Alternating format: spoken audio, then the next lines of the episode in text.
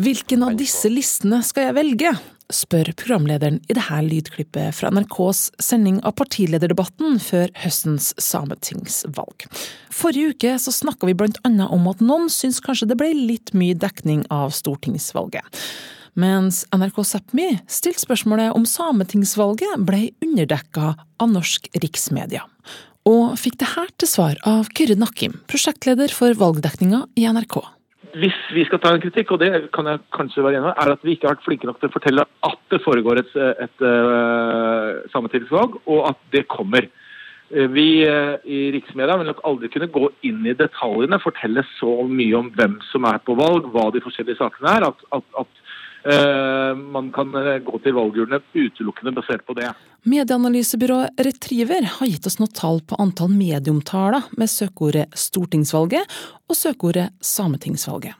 Stortingsvalget ga 11 803 treff, sametingsvalget ga 507. For dem av oss som ikke har stemmerett ved sametingsvalget, så utgjør kanskje ikke det noe stor forskjell, men for dem som skulle bruke stemmen sin 11. september, og som ønska informasjon i en ganske så dramatisk og turbulent valgkamp som det var rundt Sametinget, så vil jeg tro at valget føltes en anelse underdekka. Mange mener kampen om makta i Sametinget allerede er avgjort. Eh, Men hva man mener er underdekte saker, er ikke bare rene fakta og tall. Det kan like så ofte være en subjektiv mening ut fra hva som ligger ditt hjerte nærmest. Så jeg spør folk på gatene hva de syns er de mest underdekte sakene i norsk presse for tida. På miljø kunne jeg vært litt mer fokus på, f.eks. Eh, og det er kanskje ikke litt nok fokus på hvordan vi skal gjøre det framover, olje eller ikke olje og sånne ting. Som reelle spørsmål som vi må ta tak i. Det her var svaret jeg fikk fra Kaja. Hør etter hvor det ligner på svaret jeg får fra ansvarlig redaktør i VG, Gard Steiro, når jeg stiller han det samme spørsmålet. Klimautfordringene generelt er underdekket. Altså, da tenker jeg ikke bare på, altså på, på mm, konsekvensene av klimaøkningene, men jeg tenker òg på for uh, norsk økonomi. Hva vil det ha å si? Hva vil hva, Nå har man dekket fall i oljeprisen, altså konsekvensene av det, eh, godt. Men man, skriver man nok om de langsiktige konsekvensene? Det har vært oppe i valgkampen, men det burde kanskje vært dekket eh, mer og bedre. Og det, Dette henger jo sammen. Jeg mener òg at evnen til velferdsstaten over tid det er sånne typiske lange problemer. Altså, problemet oppstår om noen år. Og da er det ofte vanskelig å dekke det grundig. Og der mener jeg at vi, vi ikke er gode nok i dag. Ja, Norge som eh, jeg tror Norge som selger mye våpen til f.eks. Tyrkia, de som arabiske lander som, er, eh, som, eh, som de bruker på menneskerettigheter. Det, det, kan være litt som norske medier borte i norske medier, tror jeg. Denne mannen som jeg traff, men som ikke vil si navnet sitt på radio, synes sitt media er flink nok til å løfte fram norsk våpenproduksjon, og fortelle om hvilke konsekvenser den får rundt forbi om i verden. Jeg spør Steiro om det er vanskelig å ta tak i og løfte fram saker som fremstiller Norge som verstingen i klassen? Nei, det syns jeg ikke. Jeg tror altså Det er veldig mange journalister som har et ønske om å drive kritisk journalistikk mot, uh, mot myndighetene. Jeg oppfatter ikke sånn at det er noe at man har noe, noe ønske om å fremstille Norge i et godt lys. Det som nok, nok er problemet med denne type som du sier når du snakker våpenindustri, det det er jo ofte komplekse problemstillinger der man møter mye motstand. Uh, og, det, det jo, og, det, er jo, en annen del av dette, for du spør hva er underdekket. Altså, det er nok veldig mange saker som kunne vært nevnt der, altså temaer som ikke får nok oppmerksomhet, fordi at det oppstår flere og flere det vi kaller blindsoner i journalistikken. Altså der man, uh, der har jo Mediene har jo litt færre ressurser enn tidligere. Og samtidig er det ofte blitt vanskeligere å avdekke, avdekke kritiske forhold. Og da er det klart at det er ganske mange temaer som nok er der vi ikke helt uh, vet, vet, hva vi skal skrive om, og vi ikke kommer til å få avdekke ting. Og Våpenindustri kan godt være et eksempel på det. Retriever i samarbeid med PR-operatørene og Hugov utarbeider en toppliste over de mest omtalte sakene i media. Men kan analysesjef Guro Lindebjerg se noe fellestrekk for de sakene som havner nederst på lista? Ja, når man snakker om eh, de mest underdekte sakene, så er det jo litt sånn at det kommer an på øyet som ser. Eh, og dette er jo noe som springer ut fra politisk ståsted. Og det samme gjelder for så vidt eh, for norske forhold og norsk politikk, der noen gjerne vil mene at forhold i eldreomsorgen burde få mer oppmerksomhet, mens andre mener at frafallet i videregående skole burde prioriteres. Eh, men, eh, men generelt er det jo veldig vanlig å peke på en del eh, humanitære katastrofer som det mest underdekkede. Og det er jo fordi at uh, dette her er det snakk om katastrofer hvor mange mennesker dør, mange mennesker lider. Um, og som man kan være relativt sikker på at hvis det hadde funnet sted i Europa, så ville det fått enorm oppmerksomhet. Ja, for nå må vi snakke om en av de viktigste faktorene både ved overdekning og underdekning nemlig kulturell nærhet. Hvorfor er den så viktig for oss, og så avgjørende for hva som får mye oppmerksomhet i mediene, og hva som ikke får det? Jeg spør medieforsker Lars Arve Røsland. Nei, altså Da er det jo helt grunnleggende menneskelig. Det er noe som eh, jeg kan se på bare ved å se på lokalmediene sin popularitet i et land som Norge. Eh, det betyr at vi er rett og slett eh, mest interessert i, mest engasjert Eh, i og av det som skjer eh, nærmest oss. Eh, vi trenger å vite om det. Det er mye lettere for oss å identifisere oss med det og relatere oss til det. Vi, trenger å, være orientert om det som skjer nært oss. og, når det gjelder kulturelle ellers i en sånn større betydning, så er det gjenkjennelighet at vi, vi, reiser disse plassene som vi interesserer oss for. med det som skjer i USA er nært oss på alle måter. Vi, har en nærhet til det, også en populærkulturell eh, betydning. Der vi kjenner områder og, og eh, kulturer, delkulturer der utifra, uten å ha vært der nødvendigvis, fordi vi har eh, sett på film og TV-serier og, og, lest om det osv. Så videre. sånn at eh, dette her er med på å prege tilbake hva vi igjen interesserer oss for også i, i, i nyhetsbildet. Men så kan jeg jo si at, eh, at dette kan være en forandring. For vi reiser mye mer også i, eh, deler av verden eh, som vi tidligere ikke var noe særlig kjent med. Vi, vi får mange flere naboer og sambygdinger og, og sånn for noe som, som, som, kommer fra andre deler av verden, som vi begynner å relatere oss til. og, og og så kan vi høre at ting skjer. Plasser der vi Å ja, der har jeg en nabo som må komme fra. Så blir vi, blir vi interessert i det på andre måter. Så det er klart at dette her kan være i, i forandring, og ikke på, nok, ikke på, på noen måte noe fastfrosset situasjon. Noen som prøver å forandre på vårt interessefelt, er bl.a. Leger uten grenser. De har til og med et eget arbeid som heter nettopp Glemte kriser. De har nok helt sikkert noen tanker hva de tenker er de mest underdekte sakene i norsk presse i 2017. Eh, det vi kan si om de glemte krisene som vi har presentert i år, er at uh, våre medieanalyser viser at det er hepatitt C i Pakistan som er den som har fått minst oppmerksomhet i media. Men det er ikke sånn at vi sier at den ene er viktigere enn den andre og mindre og mer uh, kommunisert om, men det er iallfall den krisa som har fått minst oppmerksomhet. da. Sissel Marie Overvold er sykepleier for Leger uten grenser som bl.a. prøver å gjøre mediene oppmerksom på at Pakistan er det landet i verden med flest smitta av hepatitt C. Beregninga viser at rundt 240 000 mennesker blir smitta av viruset hvert år. Kontrasten til toppsakene på norske tabloide avisforsider gjør at Overvold syns det er litt absurd å komme hjem til norsk presse etter at du har vært ute i felten. Og jeg husker for eksempel eh, en gang når jeg kom tilbake fra Sør-Sudan, der det var stor matmangel og eh, svær helsekrise, og kom hjem til den såkalla smørkrisa, der vi ikke fikk bake alle julekakene vi hadde planlagt.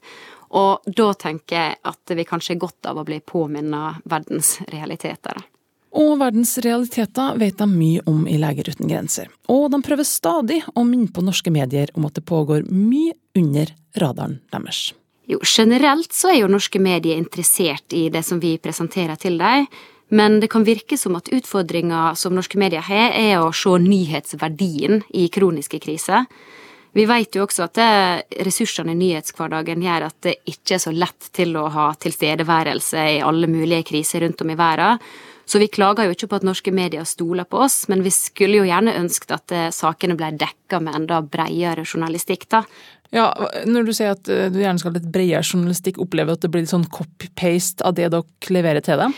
Tidvis så kan det bli det, ja. Eh, nå har jo vi gjort eh, vårt arbeid på, eh, på bakgrunn av det som vi vet og det som vi har opplevd, så det er jo riktig det som blir presentert, men det kunne jo blitt presentert med flere nyanser. Men de har lagt merke til at det er noen ting som gjør det lettere å skaffe medieoppmerksomhet. Jo, til nærere noe er geografisk, så føler vi at det er lettere å få oppmerksomhet på det. Eh, for eksempel så har vi fått mye oppmerksomhet rundt det som skjer på Middelhavet, den jobben som vi gjør i redningsarbeid der, i forhold til f.eks. For Den sentralafrikanske republikk, som er lenger borte både geografisk og kanskje kulturelt. Eh, og det at det er nærere geografisk og potensielt kan påvirke vår hverdag, det tror jeg har mye å si hvordan det blir dekka. Og så har det jo det her med at nordmenn er involvert. Det tror jeg er en faktor som øker sjansene våre for oppmerksomhet. Og for eksempel når jeg jobba i Jemen i fjor, så fikk jeg lov til å fortelle om situasjonen der til norske medier når jeg kom tilbake. Og personlig så har jeg jo ingenting imot å bære det vitnesbyrdet. Men jeg skulle jo samtidig ønske at det norske medier og det norske folk syntes det var minst like interessant å høre en av mine jemenittiske kollegaer fortelle om situasjonen der, da. Nå kommer det plutselig færre båter med folk som flykter fra Libya til Europa. Dette blir forsøkt bejubla som en suksess for Europas Og hvis de ikke får oppmerksomhet fra pressen, så lager de den sjøl. Leger uten grensers Facebook-video med tittelen 'Vilkårlig fengslet med europeisk støtte' ble publisert 7.9, men har allerede fått 1 587 000 visninger, blitt delt over 24 000 ganger og har et samla antall på nesten 55 000 likes og kommentarer. Vi vet at folk blir vilkårlig fengsla og grovt mishandla. Vi vet at hundrevis av mennesker blir stua inne på mørke rom uten ventilasjon. Vi vet at gravide kvinner blir gjengvoldtatte. Vi, vi har jo fått uh, mye oppmerksomhet i sosiale medier, men uh, som, som, sagt så får vi ofte videre tid i, i tradisjonelle medier når det går bra uh, med videoer og andre typer innlegg i sosiale medier, så vi har sett veldig stor, stor oppmerksomhet rundt saka. 14.9 kunne jeg høre det her på NRKs Nyhetsmorgen. Dere mener Leger uten grenser, og de sier at vi har overlatt grensepolitikken vår til lovløshet i Libya. Og de kommer til Ekko for å gi oss siste nytt fra leirene. Ikke sånn veldig lystbetont eh, innsalg der, Ellen? Nei, men kanskje vi trenger å høre det. Vi får høre på etter klokka ni. Ekko, altså. Vil du si at da et engasjement rundt en sak skaper medieoppmerksomhet, eller er det medieoppmerksomhet eh, som skaper engasjement? Jeg tror det kan gå litt begge veier. Eh, det hjelper selvfølgelig på at det er en sak som, som, folk flest er interessert i. Da er det lettere å få delinger og få oppmerksomhet rundt det. Men jeg tror også at media kan engasjere oss. Jeg tror det er veldig godt mulig å lage gode, engasjerende saker om ting som ikke nødvendigvis er så veldig hot i media for tida, men som er kroniske kriser som pågår rundt om i verden. Hva tenker han som kan sette agendaen, redaktør Steiro i VG? Hva kommer først, høna eller egget? Oppmerksomhet rundt en sak eller engasjement rundt en sak? Det, det, har endret seg. Eh, tidligere så var det sånn det var åpenbart medieoppmerksomhet som skapte engasjement. Og da var jo, kommuniserte jo mediene på en måte, Det var en enveiskommunikasjon mellom mediene og leserne. Det som uh, har endret seg siste årene, at man ser jo ofte at engasjementet nå uh, skapes i sosiale medier. Vi, vi, følger jo hva som blir delt mellom der ute. Og ofte så er det sånn at engasjementet òg kan skapes nå uten at tradisjonelle medier tar tak i en sak. Og så kommer vi etter og omtaler engasjementet. Men som, som, hovedregel så vil jeg si at det er når en sak får oppmerksomhet i de store mediene, om det er VG, NRK, TV 2, så skaper det et engasjement der ute.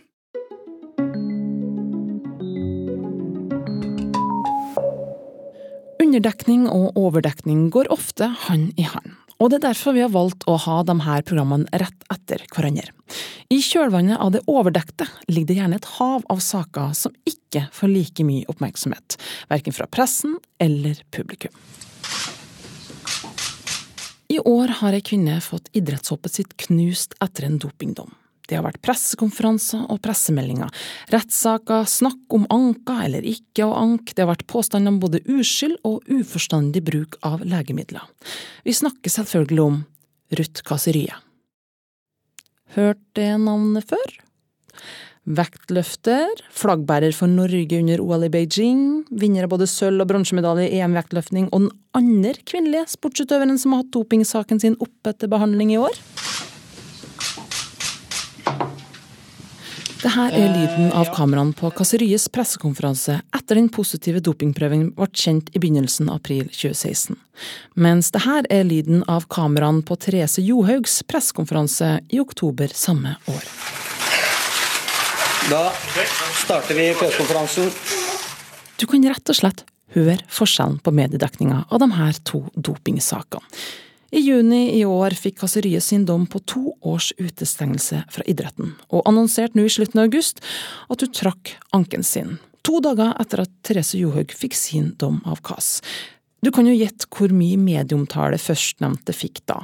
Nei, vent, vi trenger ikke å gjette når vi heller kan spørre medieanalytikeren Linde Bjerk. Hun kan fortelle meg at mens Therese Johaugs sak har fått over 8500 medieoppslag i norsk presse hittil i år, så gir Retrivers søk om Ruth Kasseries dopingsak så langt 186 treff. Therese Johaug-saken har bidratt til å utsette avgjørelsen i vektløfter Ruth Kasseries dopingsak. Jeg kikker også i min egen bakgård og gjør et søk i NRKs radioarkiv på Kasseriet, og får 17 treff. Men hvorav 15 av dem imidlertid er fra alle landets distriktssendinger den 4. april 2017, da saken hennes ble omtalt i en felles sportsnyhetssak. 11. mai skal Kasseriesaken opp til muntlig høring i domsutvalget i Norges Kurer har gjentatte gang prøvd å komme i kontakt med Kasseriet for å høre hvordan hun opplevde å stå i medieskyggen av Johaug-saken. Men vi har ikke fått noe svar ennå på våre henvendelser. Ut fra mine funn av omtale, så synes VG å kanskje være en av dem som var flinkest til å omtale det som har blitt kalt den glemte dopingsaken. Men samtidig var de også en av de mediene som virkelig dekket Johaug-saken fra start til slutt, og enda litt til. Jeg lurer, hvilke vurderinger gjorde de når de skulle veie opp de her to sakene mot hverandre? Da Therese Johaug ble tatt for doping, da den nyheten kom Når du så, sto i VG-bygget der, da var vi der, og vi så vi så hvor mange da som, som leste den artikkelen samtidig. Og jeg har knapt sett høyere tall eh, noen gang, altså på antall mennesker som da kommer inn og er det var, et, det var, jo et sjokk, og alle var veldig opptatt av Therese Johaug. Dette var jo en av våre største idrettsstjerner som ble tatt for doping. Og det er ski, og det er nasjonalsporten, så det er en enormt stor eh, Det er en enormt stor sak. Og det er klart at interessen for den saken da eh, er mye større enn en andre dopingsaker som òg er interessante og viktige å, å, skrive om. Men det er klart at der blir interessen for Johaug så stor, og det, at den blir da betydelig mer dekket enn den andre. Og der er det klart at der er jo les, spiller jo leserinteressen inn. Det er vi jo ærlige om at det, hvis det er en sak som virkelig leseren er opptatt av, så dekkes den tyngre enn saker leserne ikke er like opptatt av. Ja, hva er jeg egentlig opptatt av? For vi skal kanskje være forsiktige med å gi mediene alt ansvaret her. Hva med mitt ansvar som leser?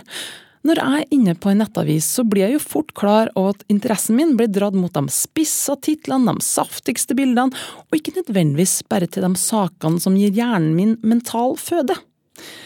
Men hvem sitt ansvar er det at jeg interesserer meg for de viktigere og kanskje litt tyngre sakene? Altså, vi er opptatt av at det er en del store problemstillinger som, som vi har et ansvar for å formidle. Utfordringen med, ofte med dette stoffet er jo å gjøre det interessant og relevant, altså sørge for at folk leser det. Eh, for det vi ser i en del eh, undersøkelser, når du spør folk hva de er interessert i å lese om, så er jo vår erfaring at de svarer nok litt annerledes enn sånn de, sånn de agerer i hverdagen. Altså det, det, er langt flere som opplyser at de er interessert i kronikker og lederartikler og utenriksstoff, enn det er faktisk de som leser den når de får det. Men jeg mener at mediene har et helt soleklart ansvar for å dekke de store, viktige sakene i samfunnet. Utfordringen er å gjøre det relevant og interessant nok. En medieforsker Røsland, hvem vil han gi ansvaret? Det, det kan jo sies enkelt at vi eh, har, eh, den enkelte har et eh, ansvar for hva vi putter i oss, på samme måte som vi, som vi gjør det i, i matveien. Og, og, den muligheten så ligger der i dag med at vi kan nærmest søke oss opp til, eh, til den informasjonen eh, som, vi vil sjøl og som vi trenger. Ehm, men, men, så er det ikke fullt så enkelt heller. Det er jo, eh, Selv i vår, vår tid der vi har masse ulike typer medier, så er det noen som, som, som slår an tonen og som, som, vi føler mer enn andre. Og så er det jo sånn at, at mediene har, har pålagt seg sjøl et samfunnsansvar, som de da har ut forma i sin egen Vær varsom-plakat eh, og i, i eh, faneparagrafen i den plakaten, eh, paragraf 1 vær, om pressens samfunnsrolle, der står det veldig flotte og fine ord om, om hva som skal være samfunnsrollen. Og dette her er jo noe som en legger vekt på i mange ulike sammenhenger. Og i en sånn samfunnsrolle så handler det òg om at en skal bli variert informerte. At vi skal bli så kloke og forstandige som mulig, mulig for å forstå den tida vi, vi, lever i. Og, og, kunne være opplyste deltakere og, og borgere i, i, det samfunnet vi lever i. Eh, og, og det som særpreger disse, disse, nettstedene, er jo i større grad enn førstesidene i, i avisene eh, har gjort, det er at det er jo så masse. Eh, det, er jo, det, er jo, så veldig masse som en finner på en såkalt front og på ei på en, eh, på en nettsted. Eh, sånn at det er så lett å, å bare eh, scrolle forbi en, en viktig oppslag eh, om politikk eller næringsliv, og, og, og, så finne fram til, til det underholdende. Eh, og, sånn at det, det, er mye lettere å velge vekk, sjøl om det finnes der, så å si. Sykepleier Overvold står til knes i krisa gjennom jobben sin. Kan hun ha noe som helst forståelse at jeg av og til scroller forbi og klikker meg bort fra noen her mindre leste, men mye viktigere sakene? Ja, først kan jeg si at jeg forstår det, og av og til kan jeg føle det sånn sjøl også. Men jeg vil komme tilbake til det jeg sa i begynnelsen om at eh, vi tror at eh, færre dør når flere veit. Vi tror det er viktig å skape oppmerksomhet rundt all den elendigheta Eh, rett og slett at vi kan snakke om det rundt middagsbordet, at vi kan snakke om det i politikken, at vi kan snakke om det på så forskjellige områder. For det at eh, Som sagt så har vi også glemt det fremskritt, og vi ser at det, det nytter å få oppmerksomhet rundt det. Sånn at hvis vi som befolkning her eh, velger å være mer opplyste, så tror jeg at det kan gjøre en endring i verden. Og det, hvis han tenker så stort på det, så håper jeg at det kan fungere som en motivasjon. Men ikke alle kriser er glemt og bortgjemt hele tida. Ebolaepidemien fikk god mediedekning, og var i 2014 den niende mest omtalte saken i norsk presse. Men nå mener Leger uten grenser at konsekvensene etter epidemien forsvant i etterdønningene. Sjøl så jobba jeg i, i de områdene både før epidemien og under epidemien. Og jeg kan si at helsevesenet før ebolaepidemien var veldig dårlig med verdens høyeste mødredødelighet, med svært høy barnedødelighet og mangel på fungerende helsevesen. Og så, når ebolaepidemien da ramma samfunnet og tok livet av veldig mange helsearbeidere, som førte til stopp i, i nesten stopp i all vaksinering, la helsefasiliteter brakk, det pausa utdanning av nye helsearbeidere, ja, da skjønner, skjønner de fleste at ebolakrisa eh, gjør det enda verre, og at selv om den er over, så betyr ikke det at situasjonen er bra igjen. Så, så det er det Sierra Leone og Guinea og Liberia står framfor nå. Det er gjenoppbygging av et land der helsevesenet hadde mange utfordringer fra før, og som er enda verre nå med avslutninga av epidemien. Og nå er jo vi i Leger uten grenser hovedsakelig opptatt av det som har med helse å gjøre, men det her gjelder jo selvfølgelig alle områder Eh, som eh, skole og infrastruktur, økonomi. Det er rett og slett land som må bygges opp igjen, og media sitt eh, søkelys er omtrent borte, selv om de fortsatt står i ei krise. Hvordan kan norsk presse bli bedre? Jeg tenker at norsk presse kan bli bedre ved å kanskje se litt lenger enn de sakene som man vanligvis dekker. Uh, og så Som jeg sa i stad, så vil jeg gjerne utfordre norske medier til å presentere gode historier som engasjerer, selv om situasjonen i, i de forskjellige stedene er kronisk og kanskje ikke har den tradisjonelle nyhetsverdien som man slår opp på, på førstesida i avisene. Og medieforsker Lars Arve Røsland mener også at historiefortelling er veien å gå for å skaffe oppmerksomheten vår.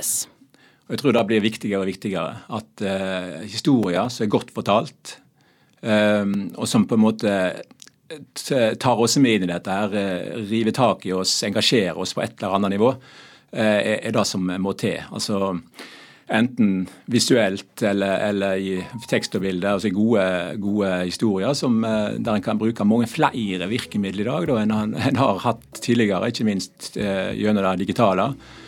Hvis en ønsker, virkelig ønsker å løfte fram noe, så klarer en jo det i denne strømmen av informasjon som, eh, som, er rundt oss i dag, så handler det først og fremst om å, å eh, fortelle de gode historiene om de viktige tingene.